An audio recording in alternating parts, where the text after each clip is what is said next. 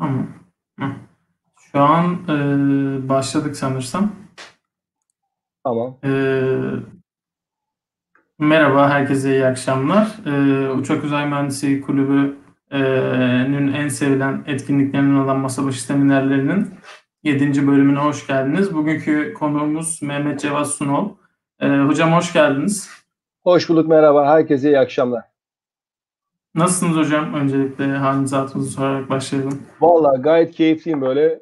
Ee, mezun olduğum bir okuldan öğrencilerle uzun süre sonra tekrar bir araya gelmek hoş. Biraz uzaktan online de olsa çağın ihtiyaçları böyle ama gene de birlikte evet. olmak çok keyifli. Ee, biz de hocam geldiğiniz için e, çok mutlu olduk, gurur duyduk. E, isterseniz başlayalım yavaş yavaş hocam. Tabii ki. Öncelikle sizi tanıyarak başlayalım. Ee, eğitim hayatınız, havacılığa olan ilginiz, e, kariyeriniz bunlarla başlayabiliriz. Tabii çok kısa anlatayım, çok uzatmaya gerek yok. Ben e, 1996 e, uçak mühendisliğinden lisans seviyesine mezun oldum. E, ondan sonra da çeşitli sektörlerde çalışarak, farklı pozisyonlarda, farklı görevlerde çalışarak e, bugünkü noktama kadar geldim şu anda çalışmalarım devam ediyor. Ha uçak mühendisliğine ilgi nereden geliyor derseniz aslında ben hı hı. mühendisliğe karşı genel olarak ilgi duyuyorum. Uçak mühendisliği de keyifli bir mühendislik olarak geldi. O yüzden de çok severek isteyerek bu bölümü tercih ettim. Keyifle de okudum. Güzel bir dönem geçti. Ondan sonra e, an, ve ondan sonra mezun oldum ve e, o zamandan beri e, mühendislik çalışmalarıma devam ediyorum. Çok iyi hocam. Ee, kariyerinizde birçok farklı alanında deneyimler elde etmişsiniz hocam. Ee, mesela örnek olarak şu an akademi, akademisyenlik yapıyorsunuz. Ee, bir dönem pilotluk yapmışsınız. Mühendisliğe devam ediyorsunuz. Ee, birbirinden farklı bu iş alanlarını deneyimlemek size neler kattı? Ya şimdi şöyle ben uçak mühendisi bölümüne gerçekten kendi işimi kurmak ya da e, gerçekten uçak yapmak isteği arzusuyla geldim.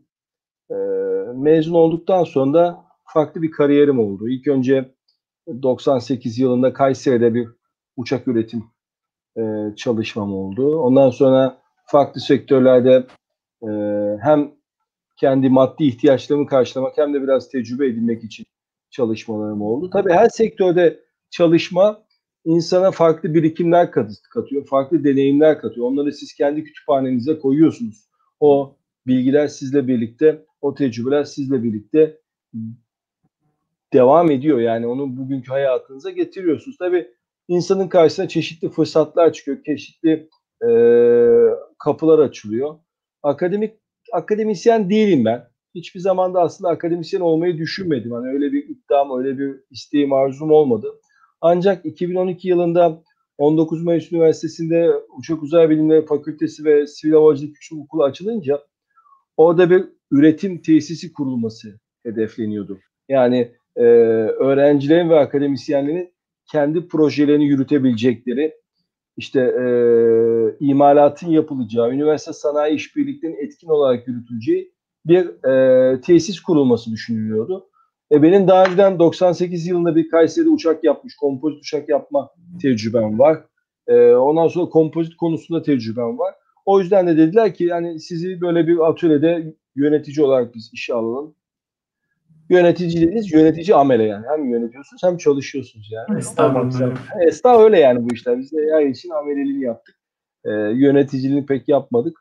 E, tabii orada üniversitede aynı zamanda dediler e, bir akademik kadroya sizi alırız dediler. O zamanlar ben lisans seviyesinde olduğum için öğretim görevlisi kadrosunda e, başladım çalışmaya. Pilotaj bölümünde öğretim görevlisiydim. E, pilotaj bölümünde olduğum için de dediler ki sen bir ilk önce bir pilot ol. Ondan sonra ki bu dersleri düzgün veresin. Uçuş okulumuzun ilk mezunlarındanım ben. İlk 7 kişilik mezun grubundayım. Ee, orada da bir pilotluk tecrübem oldu ama ticari bir pilotluk yapmadım. Zaten hususi pilot lisansım var sadece. E, ama bana çok şey öğretti, çok şey kattı. E, halen de şu an Samsun Üniversitesi oldu. Üniversitemiz e, yeni bir üniversite kurulunca havacılık bölümü oraya aktarıldı.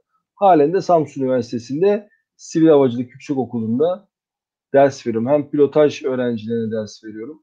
Uçuş okulunun pilotaj öğrencileri hem de işletmeni öğrencilerine ders veriyorum. Onun dışında da kendi ARGE projelerimi yürütüyorum. Çünkü e, üniversitede artık atölyenin e, içinde o ekipte değilim. Atölyede zaten e, o projelerin bir kısmı durdu zaten. E, ben de kendi atölyemi kurmaya karar verdim. Kendi tesisimi açmaya karar verdim. O şekilde kendi yolunda devam ediyorum şu anda. Anladım hocam. Gerçekten imrelenerek bakacağımız bir kariyer. Ee, şey, şimdi şöyle bir soru sormak istiyorum. Hani şu an dünyamızda e, trendde olan girişimcilik e, var. Yani herkes girişimci olmak istiyor. E, sizin de kendi bir şirketiniz var. E, lisans eğitiminden sonra şirketinizi kurma aşamalarına nasıl geldiniz hocam? Valla lisans eğitiminden sonra kendi şirketimi aslında ben mecbur kaldığım için kurdum. Aslında benim hayattaki hedefim uçak yapmak. Yani. Hani sürekli olarak söylerler ya insanlar en çok arzuladıkları şey kendilerini gerçeklemektir. Gerçekten insanların hayatta bana benim düşüncem. Şimdi burada söylediğim her şey benim kendi düşüncem. Ee, bu tip seminerlerde insanlar bir takım şeyleri söylüyorlar. Mutlak doğruymuş gibi. Evet bunlar mutlak doğru ama o kişi için mutlak doğru. Hatta o kişi için bile aslında mutlak doğru. Yani ben bile zaman zaman diyorum ya ben böyle yapmasaydım acaba şöyle mi yapsaydım diye düşündüğüm çok sık oluyor. Ama şunu söylemek istiyorum. Yani insanlar kendini gerçeklemek isterler. Kendini gerçekleyemedikleri zaman da huzursuz olurlar. Ben en azından öyle hissediyorum. O yüzden e, ben hep uçak yapmak için yola çıktım ama e, uçak yapmak Türkiye'de kolay bir iş değil. Yani işin garip tarafı da şu. Biz şimdi uçak mühendisliğini okurken biz uçak yapmayı öğrenmek için gittik. Çok da güzel dersler aldık. Çok da kıymetli hocalardan çok iyi konularda eğitimler gördük. Ama uçak yapmayı öğrenmedik. Mezun olduğumuz zaman da sağ olsun e, mezun olmamızın son yani son dördüncü sınıftayken de Kemal Yıllıkçı hocamız vardı. Şu anda Tayyip'deki helikopter projesinin başındaydı. En son hatırladığım kadarıyla sağ olsun. Kendisini de saygıyla buradan anmak isterim. Çok kıymetli bir insandı. O bize Amerika'dan gelen, o zamanlar internet yok bizim dönemimizde. E, Amerika'dan gelen kit uçak dergilerini gösterdi. Ya bir baktık insanlar evinin garajında uçak yapıyorlar. Yani bunlar böyle teknik eğitimi olan, ağır teknik eğitim almış insanlar değil ama bayağı ciddi ciddi uçak yapıyorlar. Şimdi bu durumda ters bir durum var. Ben yıllarca kendi imalatımı, kendi tasarımlarımı üreteceğim bir şey yapmak istedim. Ama e, bu da çok kolay başarılacak bir şeydi. O yüzden birçok e, denemem oldu. Birçok birileriyle çalıştım, şirketlere girdim, şirketlerden çıktım. Kendi işimi kurma denemelerim oldu. Vesaire. En son e, 19 Mayıs Üniversitesi bünyesindeki atölyeden de uzaklaştıktan sonra, ayrıldıktan sonra artık kendi işimi kurmam gerektiğini yani o noktaya gelerek kurdum. Şimdi girişimcilik şöyle bir şey. Girişimcilik kolay bir şey değil. İnsanlar şöyle düşünüyor ya da insanlar şöyle bir e, imaj veriliyor. Diyorlar ki işte gençsin, atiksin, çeviksin, parlak fikirlerin var, dünya yeni parlak fikirleri açın. Sen de bir şirket kur, atıl, köşeyi dön. Şimdi bu şey şeye benzetiyorum. Ses yarışmaları, yetenek yarışmaları var yani. 500 kişi katılıyor ama bir kişi kazanıyor ama hep o kazanan kişiyi gösteriyorlar. Herkes zannediyor ki herkes öyle bir şey değil. Bakın aranızda hiç çek yazmış insan var mı? Fatura yazmış, fatura kesmiş. Şimdi girişimcilik böyle bir şey. Hani para idaresi olması lazım. Pek çok farklı alanlarda iş yapmak lazım. Bu kolay değil. Şimdi bu son dönemde bunun özellikle pompalandığını düşünüyorum ben. Yani girişimcilik yeni bir kavram değil. Sanayi devriminin başından beri girişimcilik var. Henry Ford bir girişimcidir. Wright kardeşler bir girişimcidir. İşte ondan sonra Edison bir girişimcidir. Bunların hepsi girişimcidir. Yani girişimcilik bu yüzyılda e, keşfedilmiş bir şeydi ama benim gözlemlediğim açıkçası şöyle bir şey var. Çok fazla nitelikli insan var. Bu kadar insanı nasıl istihdam edeceklerini bilemiyorlar. Bu bir birinci soru. İkinci sorun da şu. Şirketler, e, büyük şirketler, kurumsal yapıları olan büyük şirketler yeni fikirler üretme kabiliyetlerini çok kaybettiler. Yani yeni evet. bir ürün, yeni bir fikir ortaya koyamıyorlar. Ya da bunun için çok para harcıyorlar ama ortaya çıkan şey çok işe yarayan değil. O yüzden de şöyle bir taktik izlendiğini ben e, endüstri çevresinde ya da sanayi ya da işte sermaye çevresinde şöyle bir e, yaklaşım olduğunu görüyorum ben. İnsanlar girişimci olsun herkes. 1 milyon girişimciden 5 tanesi işe yarayan bir fikir yaparsa biz de onları satın alırız. Onları ticari bir boyuta çeviririz. Ondan sonra da e, o zaten fikir bizim verdiğimiz paranın 10 katını 100 katını bize zaten geri verir. Şimdi böyle bir realite var. O yüzden benim insanlara tavsiyem öyle e, hiçbir iş tecrübesi olmadan, hiçbir piyasa tecrübesi olmadan girişimcilik bana göre zor. Ha dersiniz ki hocam sen böyle diyorsun ama işte bak falanca var girişim yaptı, köşeyi döndü. Kesinlikle doğrudur. Yani e, var, var ama bir de öbür tarafta hani bu şey gibi e, Doğan Taşkent Bey'i tanıyor musunuz? Kendisi e, Türkiye'de bu girişimcilik piyasalarını inceleyen, e, küçük işletmeleri inceleyip bunlarla ilgili rapor hazırlayan çok kıymetli bir mühendis. Onun bir e, sunumuna ben denk gelmiştim. Şey diyor hani dördüncü kattan atla diyorlar insanlara. Atlıyorsun. Hani kafasını gözünü yarmadan sağ kalanlara başarılı oldun biz seni destekleyelim diyorlar. Tamam mı? Hani atlayanın ama yüzde sekseni kolu bacağı kırmış. O yüzden bu girişim işine e, biraz da insanların böyle egolarını okşayarak ondan sonra çok fazla yönlendiriyorlar insanı. Yeni bir şey değil girişim. Var olan bir şey. Ee, çok sağlam temeller kurduktan sonra ancak girişim yaparsınız. Bir de şu çok büyük bir yanılgı. Ben kendim yaşadıklarımdan söylüyorum. Gene söylediğim her şey benim kendi tecrübemden gördüğüm şeylerden. Ba- beni bağlayan şeyler. Yani aksini iddia edip de ispatlayabilecek çok insan çıkar. Onu şey yapmıyorum ama şu var. Öyle bir imaj yaratıyorlar ki kapıda böyle yüzlerce binlerce yatırımcı var. İnovatif bir genç bekliyorlar. Herkesin elinde çantasında milyon dolarlar. Al baba yap bu işi falan diye. Böyle bir dünya yok ya. Yani ben öyle birkaç yatırımcıyla görüştüm. Hani bir kafa göz girmemek için ben çok zor tuttum kendimi. Hani yani öyle bir soru soruyor ki insan size. Kardeşim hani o sorunun cevabını bilsem o koltukta ben oturdum zaten. Hani ben burada gariban bir fikri olan mühendis olarak oturuyorum. Sen o da patron olarak oturuyorsun. Senin sorduğun soruların cevabını ben biliyorsam zaten ben patron olurum. O yüzden e, bu fikirlere çok böyle prim ver, vermiyorum ben açıkçası. Çok fazla kanter gözyaşı var. Evet. Yani dediğiniz gibi başarılı olanların da başarısız olanların sayısı da çok fazla. Başarılı olanların reklamı daha fazla yapıldığı için şu an dediğiniz çok gibi. korkunç. Evet. Yani haklısınız. işte LinkedIn'i açıyorsun mesela. İşte Google'ın yeni Hintli CEO'su. Tamam mı? Diyor ki işte adam Hindistan'da doğdu, Google'da şampiyon oldu falan. Ondan sonra tamam çok güzel. Kaç tane adam var Hindistan'da her sene yazılım işine girip de ondan sonra bir şeyler yapmaya çalışan milyon mertebesinde. Yani Evet. e, biraz ayakları sağlam yere basmak lazım. Hayallerden vazgeçmek kesinlikle hayır. Bunu kastetmiyorum. İnsanlar kendisini gerçeklemek zorunda. Aksi halde mutsuz bir hayat yaşama ihtimaliniz var. İlla Evet, yaşayacaksınız demiyorum ama e, çok şey yapmayın yani. Hani o başarı hikayelerine çok e, arkasındakinde görün yani. Evet hocam, haklısınız.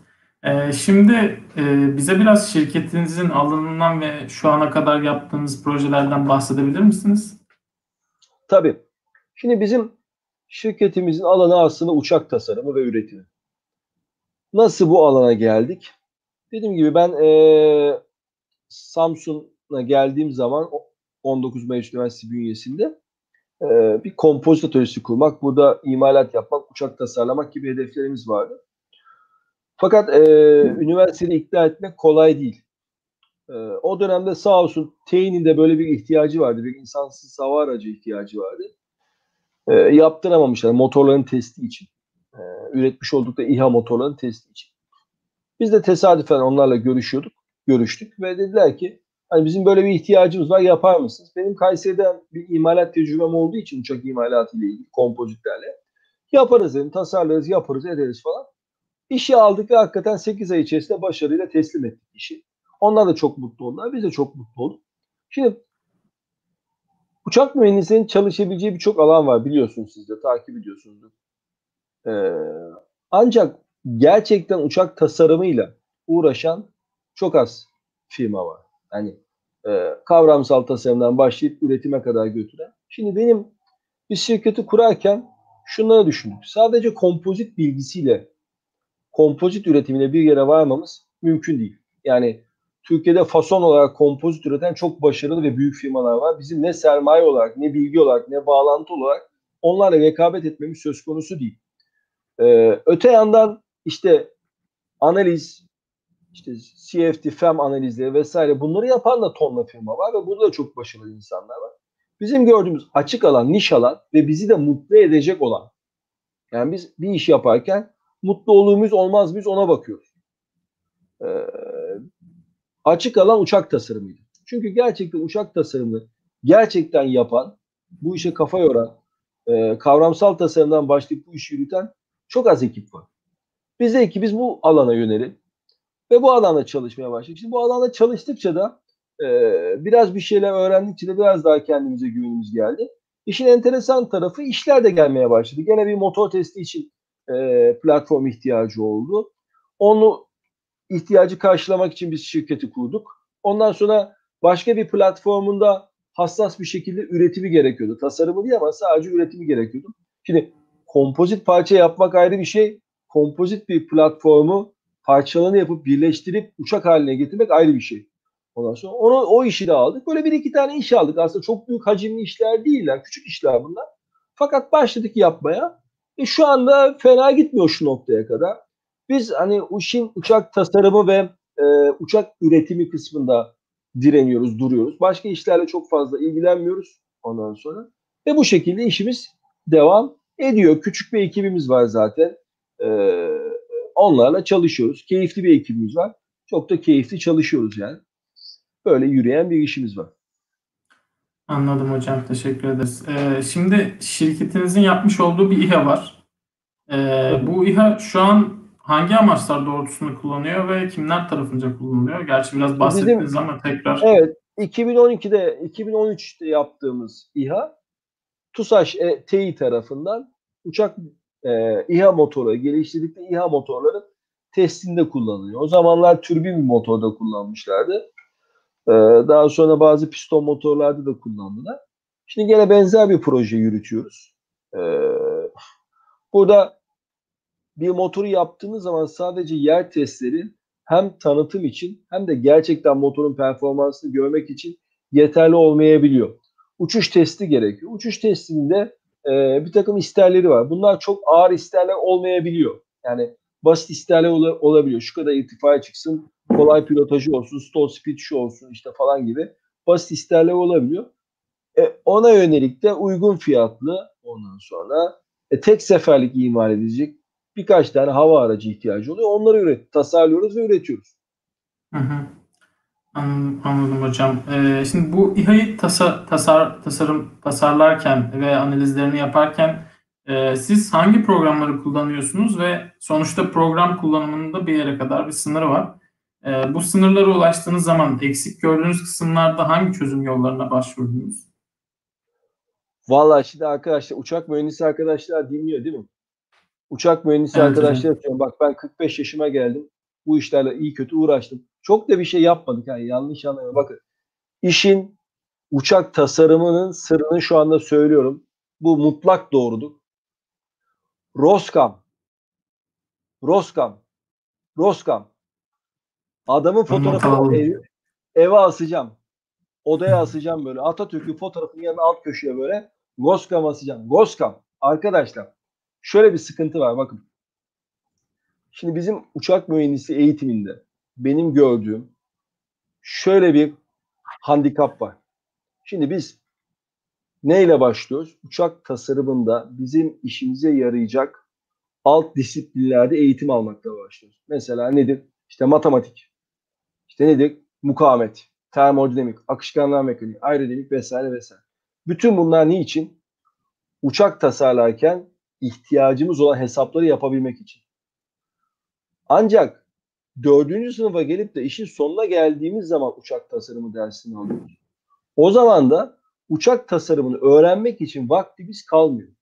Çünkü uçak tasarımı kavramsal tasarımla başlayan bir süreçtir ve kitap okuyarak bir kere okuyarak anlaşılıp öğrenecek bir şey değildir. Uçak tasarımı iterasyonla yapılan bir şeydir ve o iterasyon döngüsünü devamlı döndürmeniz, koşturmanız lazım.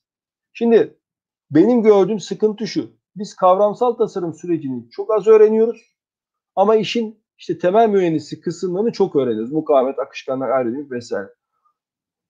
Sonra bu kavramsal tasarım sürecini 4. sınıfta atladıktan sonra insanlar lisans üstü, yüksek lisans, doktora çalışmalarına diyorlar? Ya ben neden anlıyorum? Akışkanlardan anlıyorum. Ben neden anlıyorum? Ondan sonra ee, işte yapısal analizden anlıyorum. Dönüyorlar bu sefer analiz programlarına. Arkadaşlar analiz programları işin son aşamasında kullanılacak ve gerçekten çok iddialı bir şey yapacaksanız kullanılacak bir şeydir. Ve analiz programı ile ilgili tecrübeniz varsa kullanılacak bir şeydir. Bizim analiz programı ile ilgili çok fazla bir tecrübemiz yok. Yani ne yapısal ne akış analizi. Çünkü tecrübe demek şu demek. Bir analiz yapacaksınız. Sonra onu birkaç tane deneysel sonuçla doğrulayacaksınız. Bu işi birkaç farklı proje üzerinde deneyeceksiniz. En sonunda öğreneceksiniz. Yani ben bunu yaptığımda yaklaşık şu sonucu alıyor. Şunu yaptığımda şu sonucu alıyor. Oysa 747'yi yaparken adamlar 1950'de CAT bile yoktu ya. CAT yoktu. O yüzden ee, biz analiz programı kullanmıyoruz. Biz Goscam kullanıyoruz. Goscam süper bir adam. Kitabı da süper. Bakın diğer kitaplarla karıştırmayın. Özellikle Goscam. Goscam bir de Stinton'ın çok güzel birkaç kitabı var. Benim okuduklarım arasında. Bunlar gerçekten uçak tasarımı yapan adamlar. Ve onlar bu işi biliyorlar. Bunlardan faydalanıyoruz. Ha arada bir FEM kullanıyor muyuz? Kullanıyoruz. Hani ama bunları da inanın karşılaştırma yapmak için kullanıyoruz. Yani e, FEM'de çok net sonuç alan insanlar biliyorum. Yani şu anda mesela çalıştığımız projenin tasarımcıları FEM'de böyle hani kupon testlerini de yapıyorlar mesela yapısal analiz için kompozitin kupon testlerini de yapıyorlar. Onu alıyorlar FEM'e atıyorlar orada analiz yapıyorlar ama adamların tecrübesi çok fazla. Eğer tecrübeniz yoksa analiz programları çok büyük vakit kaybıdır. Biz o yüzden analiz programlarıyla fazla uğraşmıyoruz. Ha, ne yapıyoruz? Yavaş yavaş analiz programlarında öğreniyoruz ama onlar şu anda e, doğrulama aşamasında. Yani bir akış şeyi programı deneyeceksek mesela ilk önce deneysel sonucu olan birkaç tane iki boyutlu profili deneyerek başlıyoruz. Sonra oradan e, üç boyuta geçiyoruz falan öyle. Yani yoksa e, sadece analiz programına güvenerek bir şeyler yapmanız çok çok zor. Yani doğru da değil. Büyük şirketler de bunu yapmıyorlar. Yani büyük şirketlerin çok sağlam kütüphaneleri var. Deneysel sonuçların kütüphaneleri var. Adam oradan doğrulama yapabiliyor. Ama sizin eğer doğrulama yapacak bir şeyiniz yoksa tamam renkli renkli çok güzel çıktılar çıkar ama o hiçbir zaman güvenebileceğiniz bir sonuç vermez diye düşünüyorum. Yine kendi tecrübelerimle sınırlı. Yoksa Tabii hani bu. ben bunu yaptım çözdüm diyen adamlar vardır mutlaka. Ama Roskam çok mutlak bir şey. Bak Roskam alın birinci sınıftan okumaya başlayın. Yani Roskam'ın kitabını hani Roskam çok ağır gelirse yanına bir tane Gaymer koyarsınız. Ondan sonra ikisi mutlaka mutlaka okunması gereken birinci sınıftan itibaren. Yani girdin kapıdan böyle her öğrenciliğine verecekler bir tane Roskam. Hani nasıl böyle Kur'an kursuna gidenler asıyorlar böyle yan tarafta. Aynı o formatta. O kitaplar oraya altı cilt yalnız o. Onu asacaksınız ve devamlı yanınızda gelecek. Eğer uçak tasarımı öğrenmek istiyorsanız, uçak tasarımı yapmak istiyorsanız. Ha şunu diyebilirsiniz. Ben akışkanlar mekaniği üzerine yoğunlaşacağım ya da yapısala yoğunlaşacağım. Aeroelastisite çalışacağım. Ben bir şey demem ama uçak tasarımı diyorsanız kavramsal tasarım Roscom'da genelde. Ya hocam dediğiniz gibi bizim e, şimdi son iki senede eklenmiş bir ders var. Hatta birinci sınıfta veriliyor uçak mühendisi ve tasarım. Bunda dediğiniz Reimer'in kitabı kaynak olarak kullanılıyor. Yani gerçekten kaynak taraması çok e, önemli. E, şimdi bu İHA'yı hangi testlere tabi tuttunuz hocam? E, yani mesela menzil, dayanıklılık, manevra kabiliyeti. Tabii e, test e, uçağı olarak kullanmışsınız ama elbet bazı e, testler yapmışsınızdır. Şimdi biz bir kere yapısal test yaptık. Yani uçağın kanadına basit bir yükleme testi yaptık ondan sonra. Baktık kanatlar dayanıyor. Arkadaşlar kanatlarınız kırılmıyorsa CG'yi de tutturduysanız her uçak uçar. Ağırlık, ağırlık merkezi çok önemli. Ağırlık merkezini tutturamıyorsanız işte ağırlık merkezini tutturmak çok ciddi bir iş. Bir kere nerede olması gerektiğini bilmeniz lazım.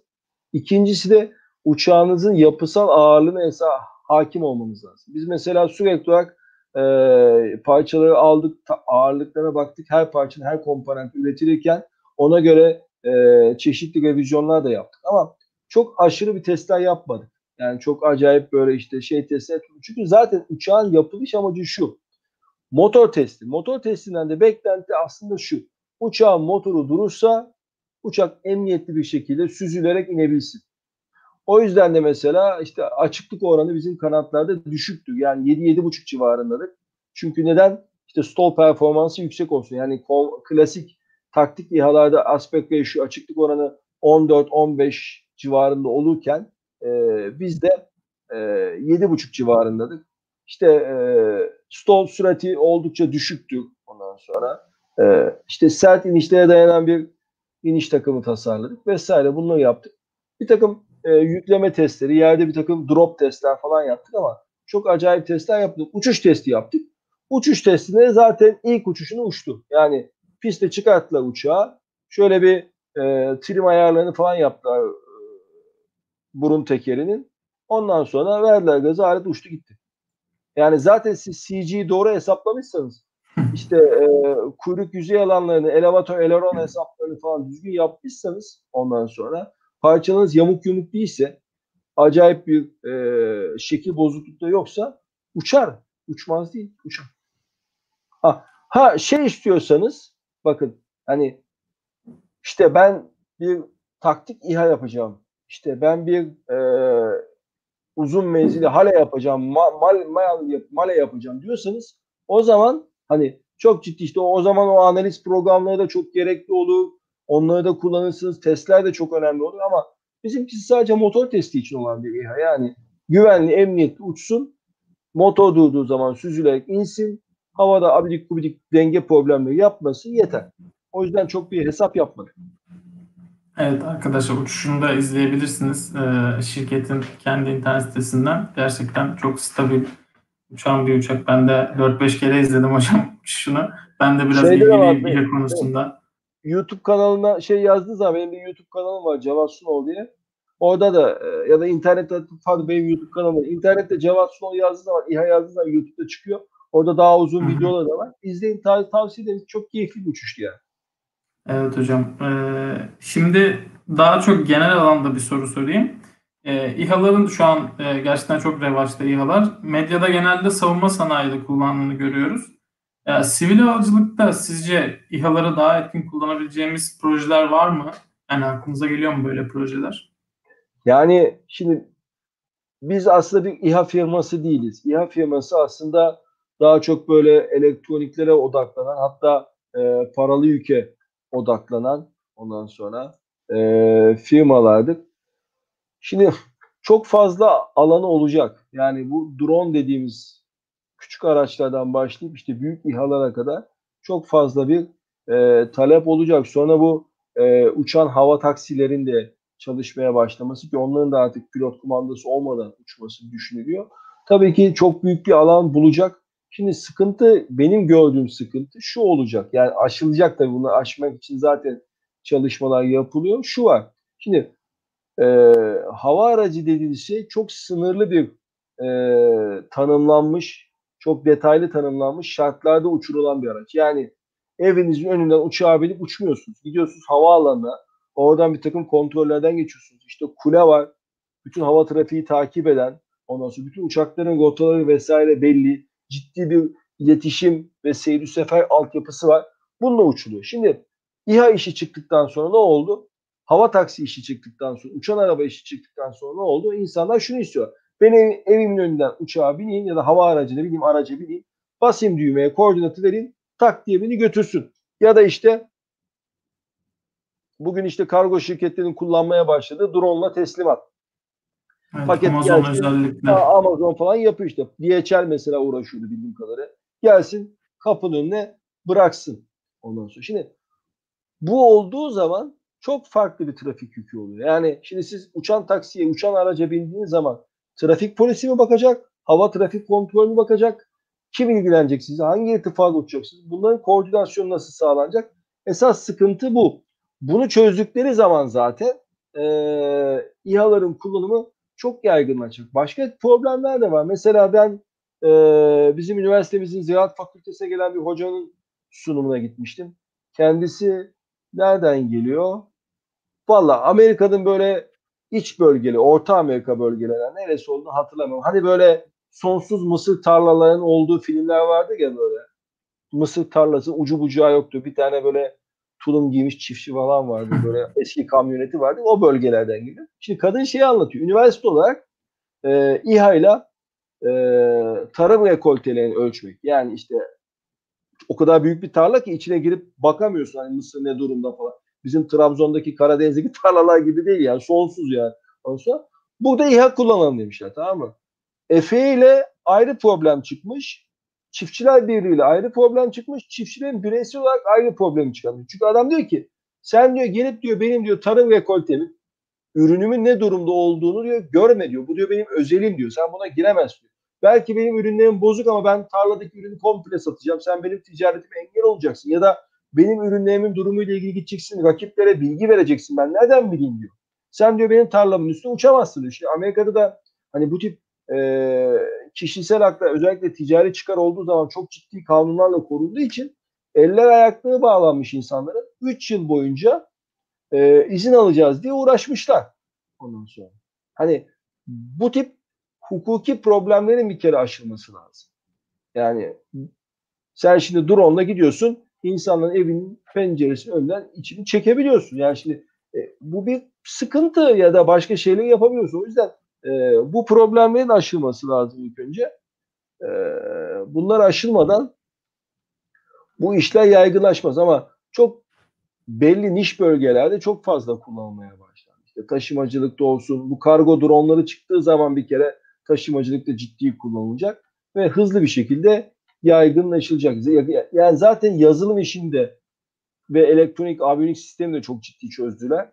Ee, o yüzden çok yaygınlaşacağını düşünüyorum.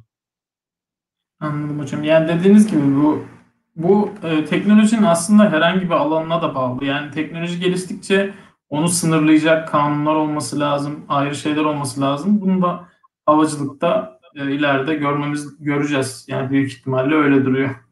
Yeni Tabii yani sınırlamalar, kısıtlamalar.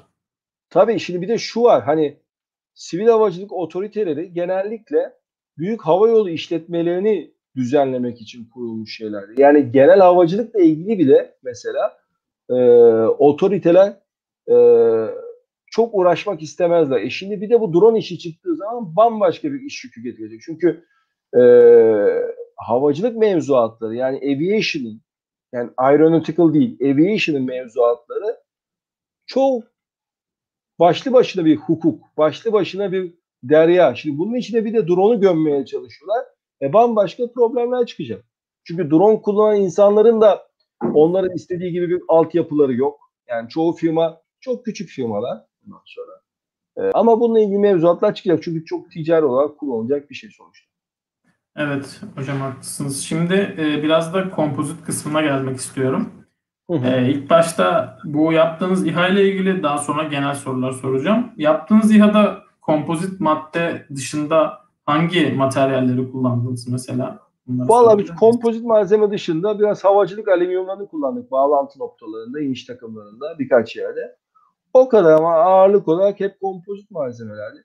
İşte kompozit malzemelerin benim için önemi şu. Kompozit malzemeler sizin eee, diğer üretim teknolojilerine göre çok fazla büyük yatırımlar yapmadan karmaşık şekilleri imal etmenize müsait.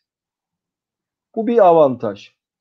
İkincisi düşük adette ekonomik imalat yapabiliyorsunuz. Yani 100 bin tane bir parçadan basacaksanız hala metal çok ideal ama 3 tane, 5 tane, 10 tane, 100 tane parça yapacaksınız. Kompozit ideal bir çözüm. Şimdi ülkemizin eee, sanayisi benim bu işlere girdiğim dönemde kompozitle ilgili en çok teknik imalatı vardı. Ben de kompozitle ilgili bilgilerimi daha çok üniversitenin kütüphanesinde bulunan bir teknik imalat kitabını okuyarak başladım kompozit malzemeleri öğrenmeye. Ee, daha sonra çalıştıkça ve okudukça bir takım şeyler öğrendim. Ee, kompozit malzemeleri tekneciler kullanıyorlardı ve ülkede kompozit malzemeyi temin edebiliyordunuz. O yüzden de ben bu malzemelerle üretim yapmayı tercih ettim. Neden? Çünkü ben zaten kendi işimi kurmayı hedefliyorum. Kendi işimi kuracaksam da Hani buna uygun bir üretim yöntemi seçmek istiyorum. Şimdi biz o dönemler Tayyi'ye, falan gittik. Tayyi'yi gezdik. F-16 yapılıyordu o zaman. Tabii müthiş bir imalat bandı ama hani bir uçak yapacağım diye bu kadar jig, fixture bilmem ne vesaire yapmaya kalktığınız zaman bu işin altından kalkmanız mümkün değil maddi olarak. Ama kompozit malzemeler e, çok daha uygun. Özellikle ben e, ilk imal ettiğim uçak Berkuta'nın hatta şuradan paylaşayım bari share screen yapalım. Evet hocam paylaşabiliriz onu da. Bakın benim ilk yaptığım uçak şu. Kayseri'de imal ettiğim Kozi Klasik. Mesela bu uçak oldukça Hocam karmaşık. şu an göremiyoruz ama Bir saniye neden? Ee, Hmm. şu şu şey çıkmıyor mu görüntü? Ekran sunu. yok hocam şu an e, paylaştınız mı acaba? Bir saniye. Cancel diyorum peki. Şuradan şunu açayım. Bir saniye bunu küçültelim. Şöyle arkaya atalım. Bir saniye. Yani aslında anladığımız kadarıyla hep araştırma, araştırarak e, bir şeyleri elde etmişsiniz hocam. Yani şu anda herhalde en büyük sıkıntımız araştırmamak bizim de. Her şeyin hazır gelmesini bekliyoruz. Şu gözüküyor mu şu anda? Evet hocam şu an gözüküyor. Tamam. Şimdi benim aslında bu işte girişim biraz balıklama atlayarak oldu. Çünkü dediğim gibi biz üniversite dönemindeyken böyle bir uçak yapmak istiyorduk. Ee, ancak üniversitede böyle bir imkan oluşturamadık. Ee, açıkçası benim de biraz içimde ukde kaldı. Ondan sonra Kayseri'de yedek subaylığımı yaparken aynı zamanda Erciyes Üniversitesi'nde ders veriyordum ben sivil havacılık bölümünde. Orada öğrencilerle birlikte bir sponsor bulabilir miyiz dedik. Böyle bir uçağın planlarını yurt dışından getirmiştik ondan sonra. Ee, sponsor da bulduk sağ olsun o dönemin Kayseri Sanayi Odası Başkanı bu işe sponsor oldu ve biz bu uçağın plandan tamamen plandan yani bu uçağın hazır parçalar işte şu kanopisi, arkadaki motor kaputları ve bir iniş takımı. Başka bir şey yok. Onun dışındaki bütün parçalar iki tane A3 boyutundaki plandan bakın bizim burada o dönemden imalat yaparkenki fotoğraflarımız var. Bakın ne kadar çıtır bir adammışım görüyorsunuz değil mi? Ondan sonra o zamandan fotoğraflarımız var. Ee, böyle iki tane teknisyen arkadaşımla birlikte aynı zamanda benim öğrencilerimdi. Şimdi Türk Hava Yolları'nda çok kıdemli teknisyen oldular kendileri. Ee, yaptık bu uçağı. Bakın bu uçağın gayet karmaşık bir şekli olmasına rağmen yani laminar flow akımlar, kanat konfigürasyon, işte e, streamline bir yapı falan vesaire olmasına rağmen hani köşeli hiçbir yer olmamasına rağmen hiçbir kalıp kullanmadan biz bu uçağı imal edebildik. Ki o zamanlar için gerçekten ciddi bir işti o. Yani o zamanlar Tayı'da falan da mesela kompozitte bir imalat yoktu böyle ondan sonra. Teknecilerden temin ettiğimiz yurt dışından getirdikleri malzemelerle yaptık. Şimdi sağ olsun çok iyi firmalar var. Metix var, Duratek var. Bu firmalar mesela e, ülkede yüksek nitelikli e, kompozit malzemeler üretiyorlar. Ondan sonra ve 2000 yılında bunu Airexis'te sergiledik bu uçağı. Ve bu ciddi bir tecrübe sağladı bize. Yaparak öğrendik. Mesela bakın bu uçağı biz bir türlü önemini anlatamadık Türkiye'de. Yani bu tip bir imalatın. Bakın bu şurada gördüğünüz İHA mesela İsrail'in ilk ürettiği İHA'lardan biri. Çünkü İHA'nın esas önemli kısmı plat şeyden platformdan çok elektronik kısmı. E sizin zaten böyle bir platformunuz varsa içine elektronikleri yerleştirebiliyorsanız uçak tasarlamaya uğraşmaya gerek yok ki. İsrail mesela böyle bir platformu almış, plandan yapmış. Ondan sonra bunu İHA olarak uzun dönem kullandılar. Ondan sonra e, biz tabii bunları insanlara pek anlatamadık o dönemlerde. Zaten o dönemde çok da anlama gibi bir şey yoktu. İşte bakın bizim Kayseri'de yapmış olduğumuz şey Kayseri, Samsun'un. Bu İHA'yı biz kendi şirketimizde yapmadık. 19 Mayıs Üniversitesi bünyesinde yaptık. Ee, ama tamamen bizim üretimimiz.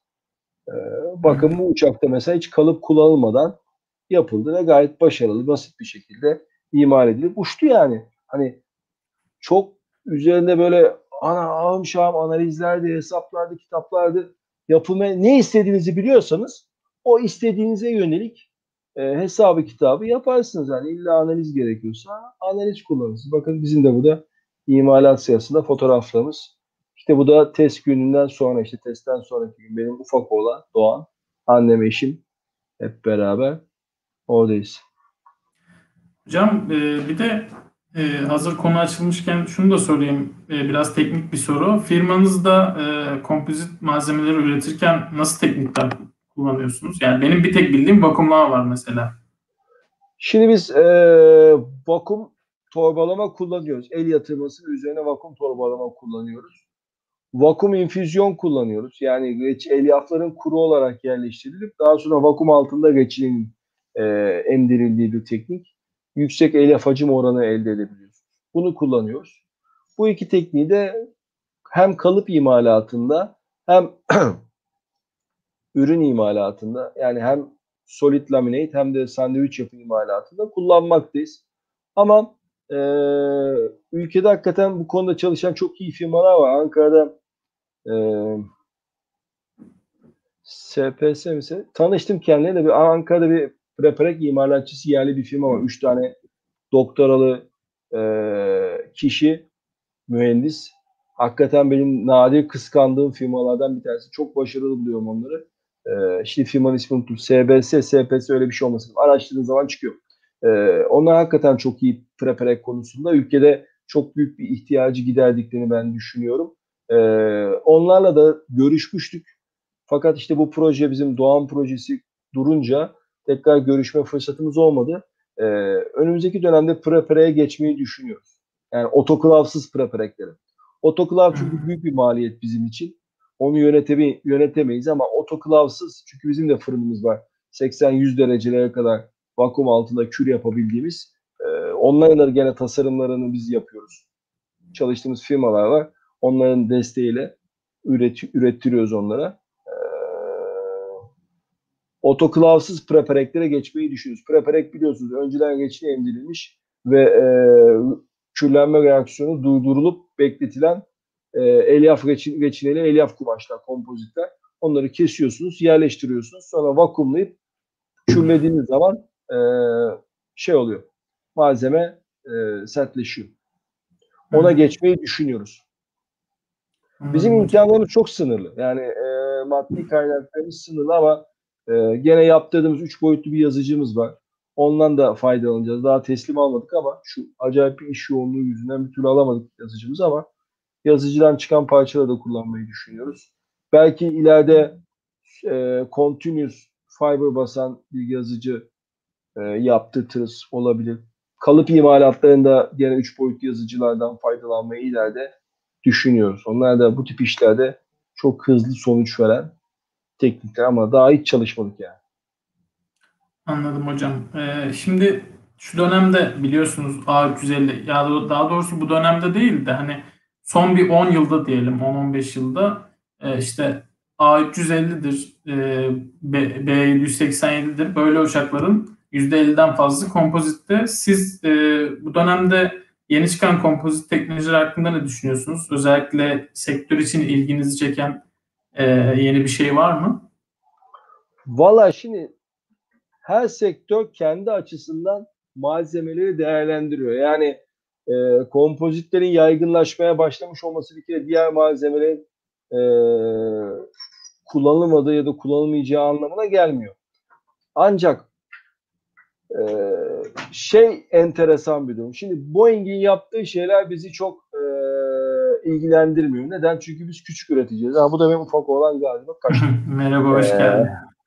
Şimdi Boeing'in yaptığı şeyler tabii e, havacılık açısından ya da Airbus'un yaptığı şeyler havacılık açısından çok önemli konular ve havacılık sektöründe e, ciddi yön veren yaklaşımlar.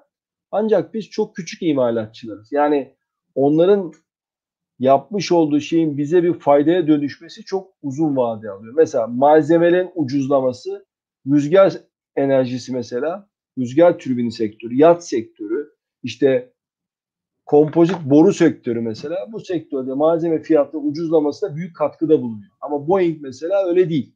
Tamam Boeing'in de hacmi az değil ama diğerleriyle kıyaslandığı zaman küçük kalıyor.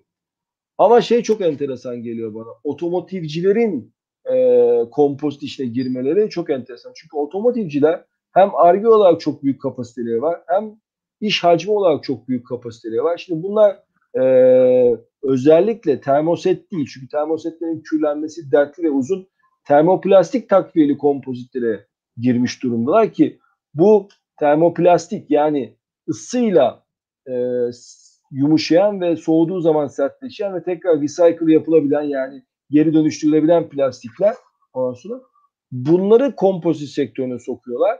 Geçenlerde bir haber okudum. Fransızların yaptığı rüzgar enerjisi için bir çalışma vardı. Tamamen vakum infüzyon tekniğiyle basılabilen e, termoplastik reçineler e, geliştiriyorlar.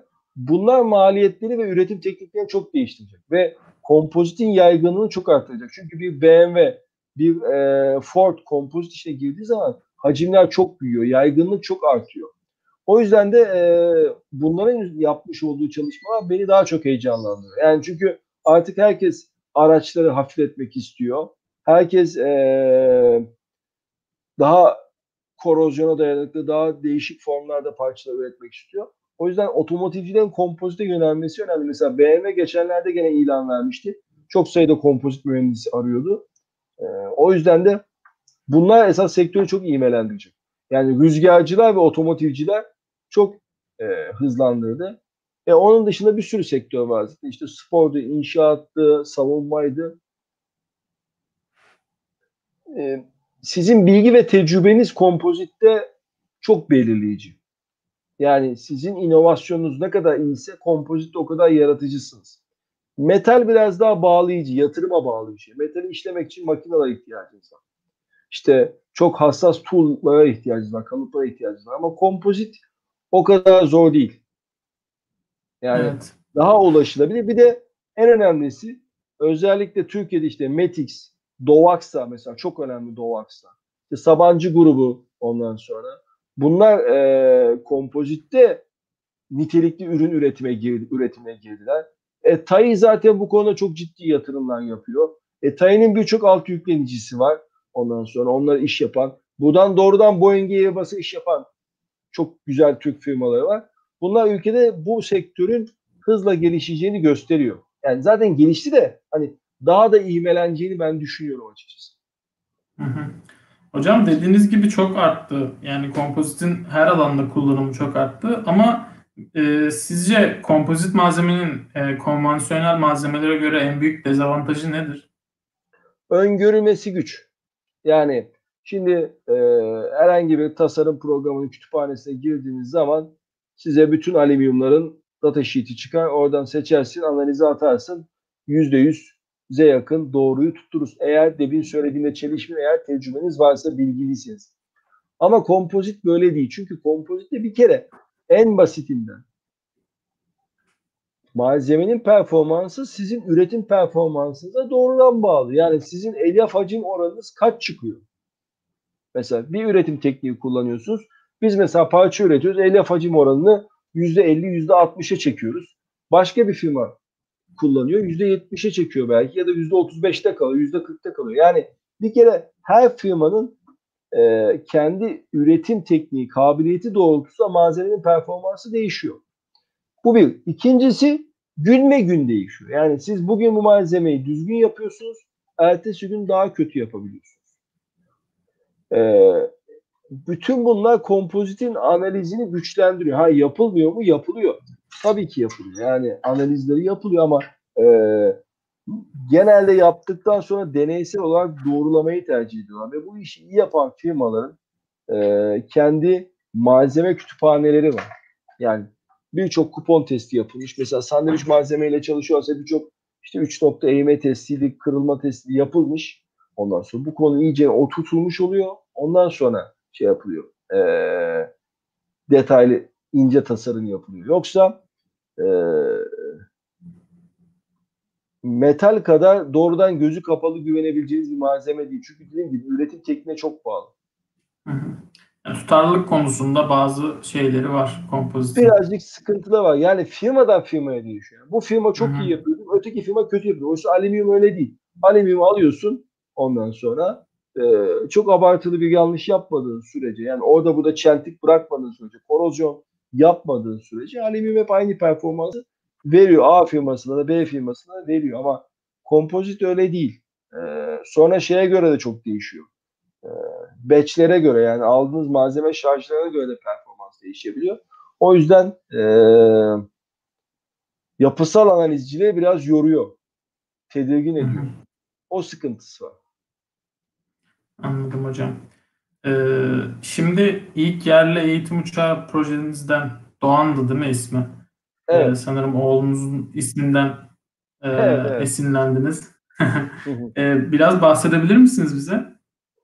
Tabii ama şöyle söyleyeyim bir kere ben bu hani ilk yerli falan o lafları kullanmıyoruz. Biz zaten öyle bir şey de değil. Yani hani çok şükür bizim Cumhuriyetimizden beri yapılan uçaklar var. Çok başarılı projeler var. Halen de yapılıyor.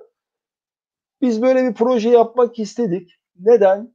Çünkü hani konuşmanın başında da söylediğim gibi e, uçak mühendisliği mühendisliğin özelleşmiş bir alanı ve kendine göre çözülmesi gereken sorunlarla ilgileniyor.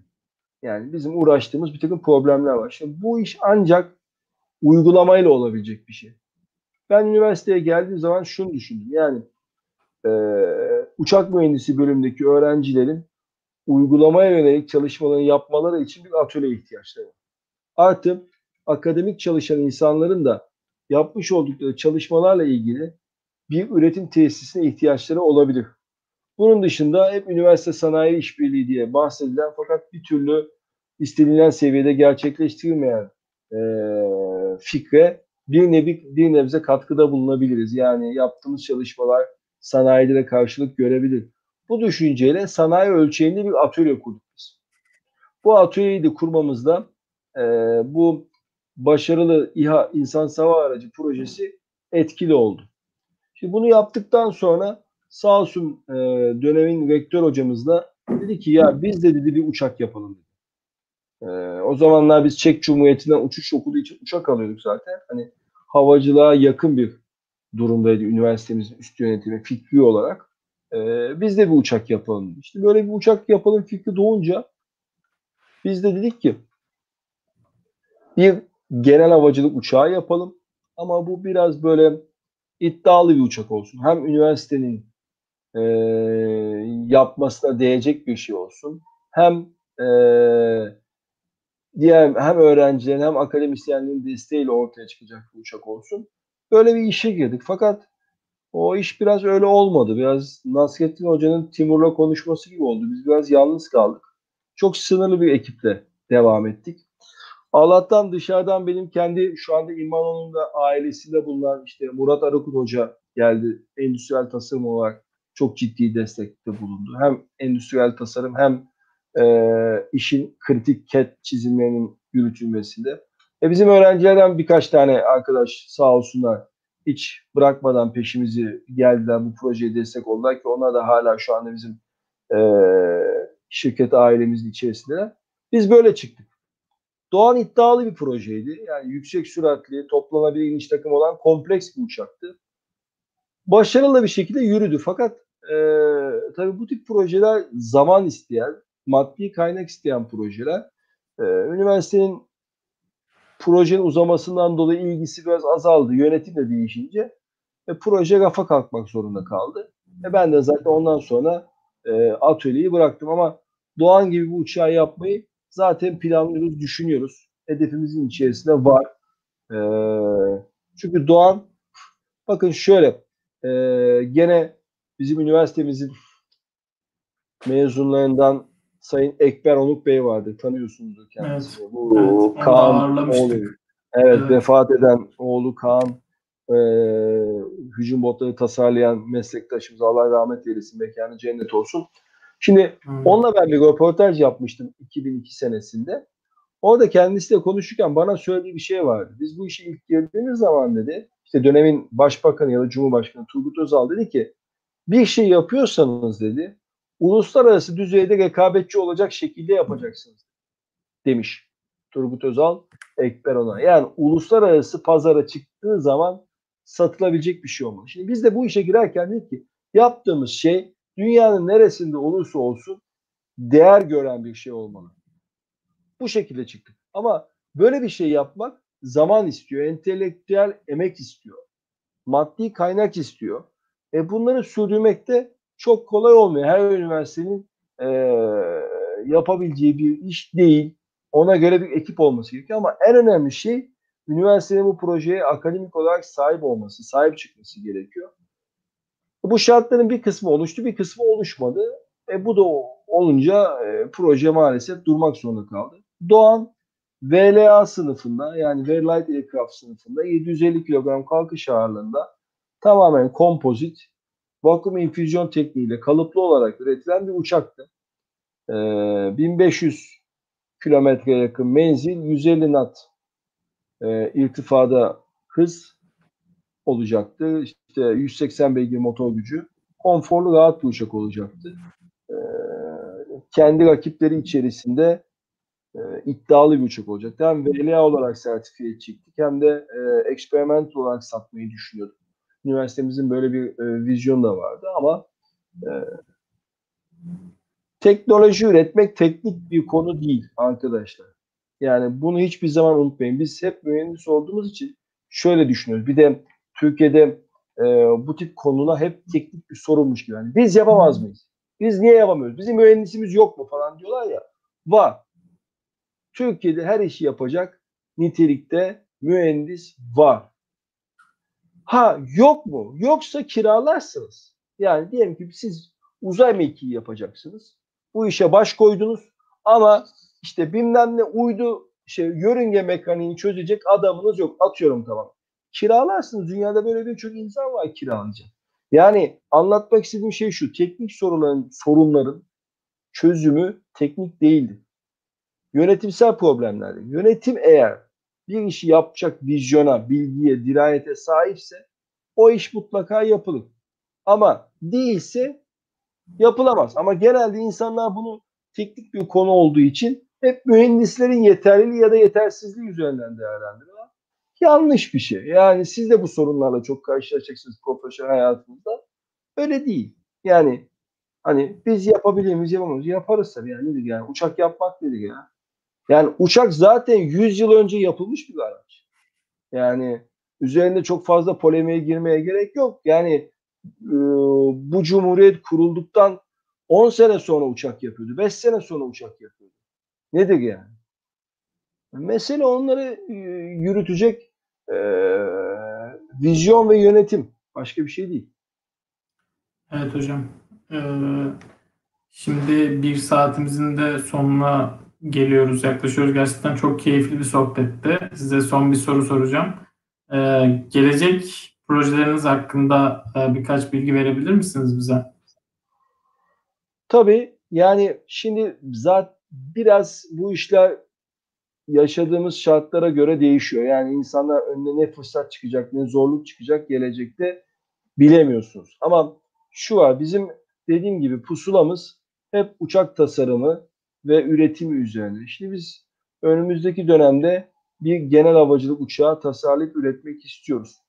Ancak genel havacılık uçağı ya da sportif bir uçak dediğiniz zaman çok geniş bir perspektifte.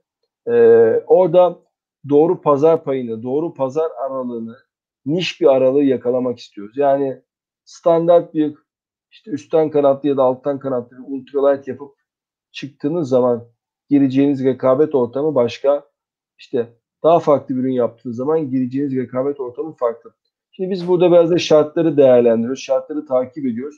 Uygun fırsatları kolluyoruz ama bizim şu anki hedefimiz e, genel havacılık uçakları üzerine çalışmak ve e, yakın dönemde böyle bir proje başlatmak istiyoruz.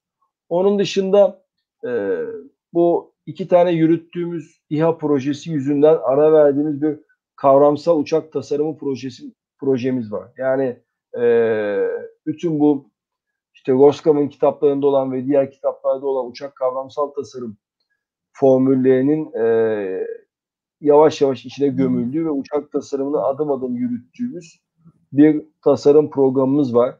Bu programı da aslında biraz açık kaynak koda da çevirmeyi düşünüyoruz. Yani başka insanların, başka ekiplerin de katılıp geliştireceği bir program olmasını, bu programın e, başka yazılımlarla, mesela CAT yazılımlarıyla haberleşebilmesini istiyoruz. Ondan sonra biraz onun üzerine çalışacağız. Çünkü kavramsal tasarımı çözmeden hiçbir şey yapamıyorsunuz. Sonra biz de o süreci hızlandırmak ve oradaki e, loop sayısını, iterasyon sayısını arttırmak istiyoruz. Bunun için de bir tool'a ihtiyacımız var. İlk başta biz bu işi tabii herkes gibi Excel'le yapıyorduk yani. Sonra baktık Excel- Excel'le olmuyor. İstediğimiz arayüzü göremiyoruz. Ondan sonra onun yerine ne yaptık? Ee, onun yerine kendi yazılımımızı yazmaya başladık. Bunun üzerine çalışmayı düşünüyoruz. Kompozit malzemelerde biraz daha ilerletmeyi düşünüyoruz işi. Ama şunu söyleyeyim biz bir İHA firması değiliz. Yani konuşmanın başından beri hep İHA lafı geçti. Biz bir İHA firması değiliz. Çünkü biz bir kere aviyonik ve e, payload konusunda bir e, yeterliliğimiz yok. Bir altyapımız yok. Biz uçak tasarım kısmındayız. Kavramsal tasarım ve kompozitlerle üretim. Biz bu aşamada e, çalışıyoruz. Ekibimizi genişletmeye çalışıyoruz. Yeni gelen arkadaşlar, yeni katılan arkadaşları e, ekibe oryante ediyoruz. Ondan sonra düşüncelerimiz böyle. Anladım hocam. Ee, gerçekten çok keyifli bir saatti. Tam bir saat oldu şu an. Ee, katıldığınız için çok teşekkür ederiz. Biz de e, sizin gibi Ben mezunlarımızı gördükçe mutlu oluyoruz gerçekten. Ee, o zaman herkese iyi akşamlar diliyoruz. Ee, sizin Ben de çok teşekkür bir şey ederim. varsa hocam. Herkese selamlar, sevgiler iletiyorum. Dediğim gibi uçak tasarımcı arkada tasarımıyla ilgili arkadaşlara son sözüm Roskam, Roskam, Roskam. Görüşmek üzere arkadaşlar. Herkese Görüşürüz. sevgiler, Herkese selamlar. iyi akşamlar. İyi akşamlar.